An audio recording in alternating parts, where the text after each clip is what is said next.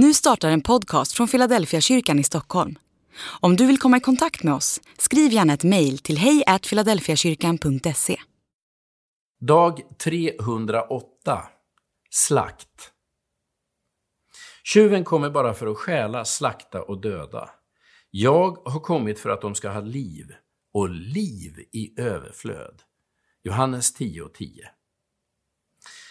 Jag har varit med och slaktat ett får en gång. Det var hemma hos en av mina kollegor i Missionsförbundet. Innan han blev pastor hade han jobbat som slaktare. Eftersom han bodde på landet hade han skaffat sig några grisar och får.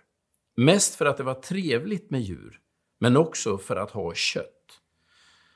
När jag kom på besök tyckte han att det var dags att slakta ett av fåren, så att vi kunde få oss en rejäl stek.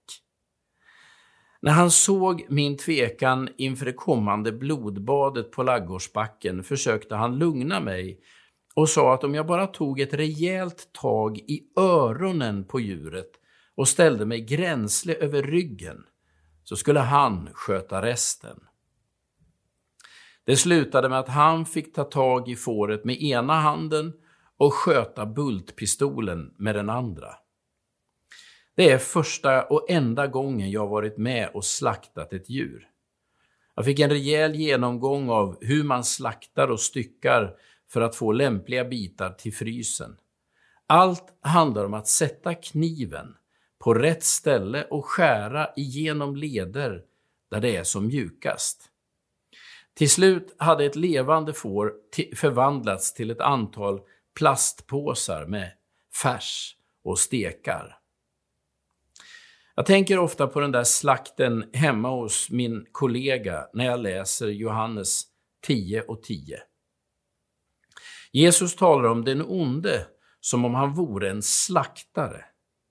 Han menar naturligtvis inte att det är något ont i att slakta, men det är en bild för vad tjuven sysslar med.